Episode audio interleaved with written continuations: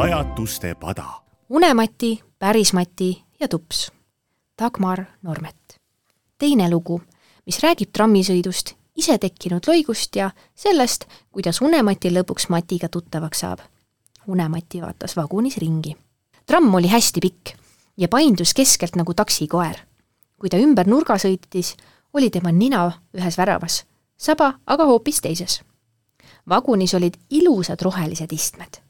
Unemati ronis vabale pingile, kõlgutas oma tillukesi jalgu ja vaatas aknast välja.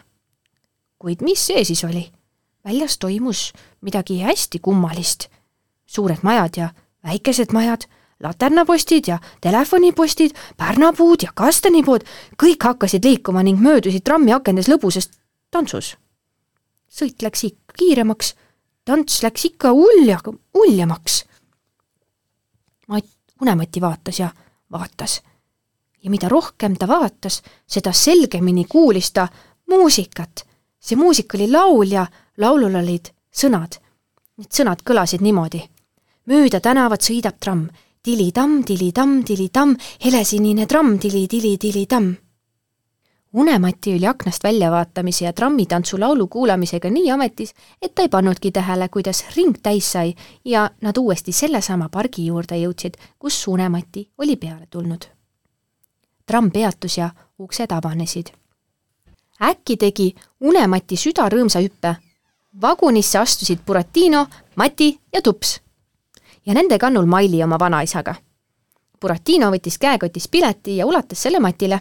Poiss torkas pileti väikese metallkarbi pilusse ja vajutas käepidemele plõks ja piletil olidki auklik kiri peal. Unemati jälgis seda toimingut huviga. ahaa, mõtles ta, tähendab, trammis tuleb sõita piletiga Malli vanaisa lõi oma pileti samuti läbi. ta tahtis ülejäänud piletipaki parajasti tasku pista, kui järsku üks pilet enese lahti rebis. lendu tõusis ja ise metallkarbi pilusse libises. Käepide liikus ise üles-alla ja läbilöödud pilet hõljus vaguni keskele. Maili, mis sa tembutad, pahandas vanaisa. lapsed sõidavad ju ilma piletita. aga Mailit polnudki tema kõrval. Maili juba istus akna all ja lehitses tähekest Maili, näita mulle tähekest, palus Mati, kes istus kaks kohta eespool. ma pole ise vaadanud veel, vastas Maili ja keeras uue lehekülje. Aga ta ei jõudnud pilte veel silmitsema hakatagi, kui ajakiri tal käest kadus, suure kirju liblikana minema hõljus ning Mati põlvedele laskus. anna siia, mis sa rebid, pahandas Maili.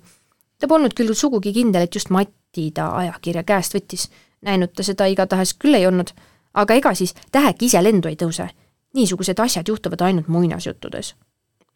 Mati, kuidas sa käitud, ole ometi viisakas, noomis Buratino oma lapselast. Anna täheke otsekohe Mailile tagasi. küll on häda, mõtles Unemati, nüüd saab poiss minu pärast veel riieldagi. sest loomulikult oli see Unemati, kes tähekese lendama oli pannud. ta lootis sel kommel Matiga tuttavaks saada, jah, tuttavaks saama pidi ta kindlasti, juba täna, otsekohe. aga kuidas? Une-Mati läks ja ronis vabale istmele Mati vastas. nüüd võis ta segamatult poissi jälgida. Too aga ei aimanudki, et keegi teda uurib. ainult tups läks millegipärast rahutuks ja hakkas äkki kiljuvalt haukuma. tups, ole nüüd hea laps ja istu pagusi, ütles Mati ning võttis kutsika sülle ja see, et see ulatuks aknast välja vaatama. oot-oot, mõtles Une-Mati, mul peaksid vist parajasti mõned kommid kaasas olema, kui ma ei eksi. ei Unemati ei eksinud, ta pistis käe taskusse ja tõi sealt kirju kompveki nähtavale. Mati vaatas hoolega aknast välja, tups aga haistis magusat ning muutus tähelepanelikuks. kutsikas nägi, kuidas vastaspingi kohale ilmus kompvek ja kuidas see ise paberist lahti koorus. tups jälgis seda imet suure huviga, kallutades pead kord ühele, kord teisele poole suure huviga ning kergitas põnevuses kord ühte lontkõrva kord teist. ja siis tuli kompek otse tupsu suhu ja tups pistis selle ampsti kinni. Unemati kogus julgust ja luges mõttes üks, kaks ja kolm ning silitas tupsi pehmet karva. kutsika nägu läks täitsa rumalaks. tema lühikese koeraelu jooksul juhtus temaga küll esimest korda, et teda keegi silitas, keda üldsegi olemas polnud. tupsi silmad ja nina läksid omavahel riidu. silmad ütlesid, siin pole mitte kedagi, ninaga ütles, on küll. ja nüüd ei mõistnud tups muud teha, kui sõbralikult sava liputada ja samal ajal hoiatavalt lõriseda. Istu vagusi, tõreles Mati, mis sa selle tühja pingi peale urised? tühi pink. unemati tundis, kuidas need kaks lihtsat sõna talle haiget tegid. see oli imelik valu justkui oleks ta klaasikilluga näppu lõiganud, aga näpp ei olnud käe otsas, vaid hoopis rinnas. Unemati süda valutas, justkui süda oleks sõrm, milles istub kaks teravat klaasikildu. tühi pink. muidugi, poiss ei näinud ju teda, aga ta ka oma võlumütsi, kui ta selle peast ära võtaks, jääks poiss otsekohe magama. no mis teha? korraga tundis Unemati, et tema silmis voolas vesi seda tuli ikka rohkem ja rohkem. nüüd jooksis kummastki silmast juba väike oja ning trammivaguni põrandale tekkis kaks tillukest loiku, mis peagi üheks suuremaks loiguks kokku sulasid. sõidupilet palun, ütles tumesinises vormis onu, kes oli ei tea kust äkki Unemati ette ilmunud. onu ise muidugi ei teadnud, et ta seisab Unemati ees. onu nägi ainult Matit ja teda ta kõnetaski. sõidupilet palun, kordas onu range häälega meil on vanaema kahe, vanaemaga kahe peale üks pilet, ütles Mati ja näitas onule oma piletit. kui vana sa oled? küsis onu. viieaastane, vastas Mati. siis sa võid küll veel vanaemaga, vanaema piletiga sõita, ütles kontrolör juba lahkema häälega. Aga kus on tema pilet? osutas mees Tupsile. Tupsil ei olegi piletit, kohkus Mati. ahaa, ütles kontrolör rangelt, tähendab jänes imelik inimene, mõtles Unemati, ise suur mees, aga ei oska koera ja jänese vahel vahet teha. ega tups üksi sõida, ta on ju minuga, ütles poiss oma lemmikut, üritas kaitsta. ja mina olen vanaemaga. Koeral peab pilet olema, ütles onu, ka siis, kui ta sõidab oma peremehega. minu teada koerad üksi trammis ei sõidagi või oled sa näinud trammi, milles sõidaksid ainult koerad? ei, seda Mati küll polnud aga ta kujutles, kui vahva selline tramm oleks. koeri täis ja kõik istuvad pinkidel ja vahivad aknast välja ja koer, trammijuht teatab haukudes järgmist peatust. Äh, ja mis see on? katkestas kontrollionu uuesti rangeks muutunud hääl Mati mõtisklusi. mis see tähendab? Ei osta koerale piletit ja lased tal veel trammi põrandale loigu teha. Mati vaatas abi otsivalt oma vanaema poole, kes istus sealpool vahekäiku. Buratino kui vanaema tegi käega tuttava liigutuse, mis tähendas, pole midagi, küll saad ise hakkama. Mati johkas. kui koer ei oska trammis viisakalt käituda, siis kõndigu jala, tõreles kontrolör. tups seda ei teinud, ütles Mati. tups ei teinud, sina ei teinud, kes siis tegi, pahandas kontrolör. Mina tegin, ütles Une-Mati. vesi jooksis silmadest, ma vist nutsin. see pole tupsi loik, kinnitas Mati. ära valeta ütles onu, on väga inetu, kui lapsed valetavad. ma ei valetagi, ütles Mati solvunult ja tema hääl hakkas värisema. tups seda ei teinud. Une-Mati mõistis, et ta nähtamatuna midagi selgitada ei saa ja tõmbas kähku oma võlumütsi peast. ja näe, tühjal pingil hakkas midagi virvendama ja lainetama. Keerlevad värvilaigud tihenesid, võtsid kuju ning korraga nägi Mati ja kontroll kummalist meresinist olevust pingil istumas Unemati vaatas onule silma sisse ja ütles kindlalt. koer ei ole süüdi.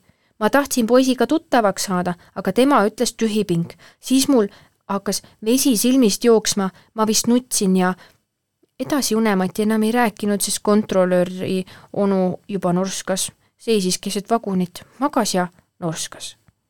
Ka Matil olid silmad kinni vajunud ja tema pea kõikus küljelt küljele. Mati süles magas tups vanaemale paistis asi kahtlane olevat, ta tõusis, et vaadata, mis seal õige toimub. silmas järsku unematit ning jäi käigu pealt üks jalg õhus magama. et aga vanaema ühe jala peal seistes kõvasti kõikus, siis ruttas Maili vanaisa teda toetama, märkas unematik ning jäi samuti magama. Mati, võta, hüüdis Maili ja lehvitas tähekesega. Kuna Mati aga väljagi ei teinud ja kõik nii imelikult tardunud olid, tuli Maili lähemale, nägi unematit ning otsemaid uinus temagi. Unemati vaatas ringi ja ohkas sügavalt. küll on lugu. mitte kuidagi ei saa ma lastega mängida. on mul võlumüts peas, siis lapsed mind ei näe, olen aga palja peaga, siis jäävad nad otsekohe magama. aga magava lapsega ei saa ju mängida. lõpppeatus, teatas trammijuht tramm jäi seisma ning uksed avanesid. unemati pani kurvalt mutsi pähe ning samas hakkas ta lainetama, hajuma, muutus läbipaistvaks ja kadus. kõigepealt avas silmad vanaisa ja märkas magavat Mailit.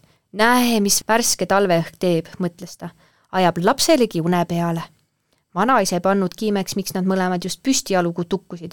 ilmselt oli tema pea veel unest uimane. ta ainult lap-, raputas tüdrukut õlast ja lausus Maili, hakka astuma, lähme koju lõunale. ka piletikontrolli onu väljus kähku vagunist ta teadis, et ta magama jäädes kohe norskama hakkab.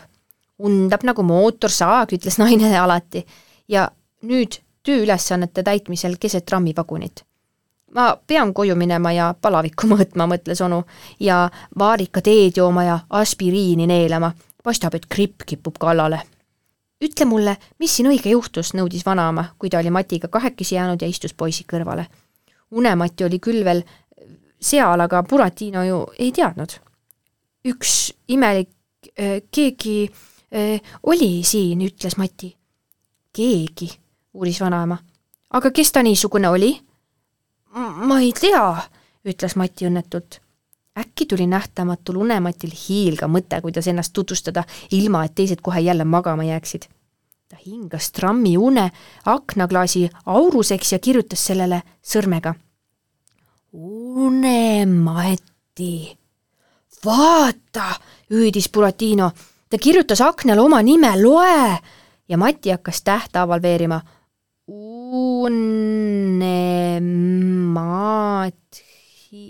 Unemati. näed sa, ütles Buratino, Unemati on siin. tema on Unemati, aga mina olen päris Mati, ütles poiss. päris Mati tahaks Unematiga mängida ja Unemati tahab päris Matiga mängida, ütles vanaema ja küllap ta juba teadis sest tema teadis üldse kõike.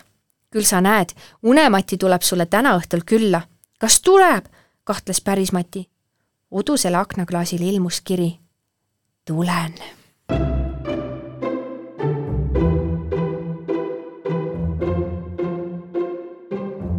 Pajatuste pada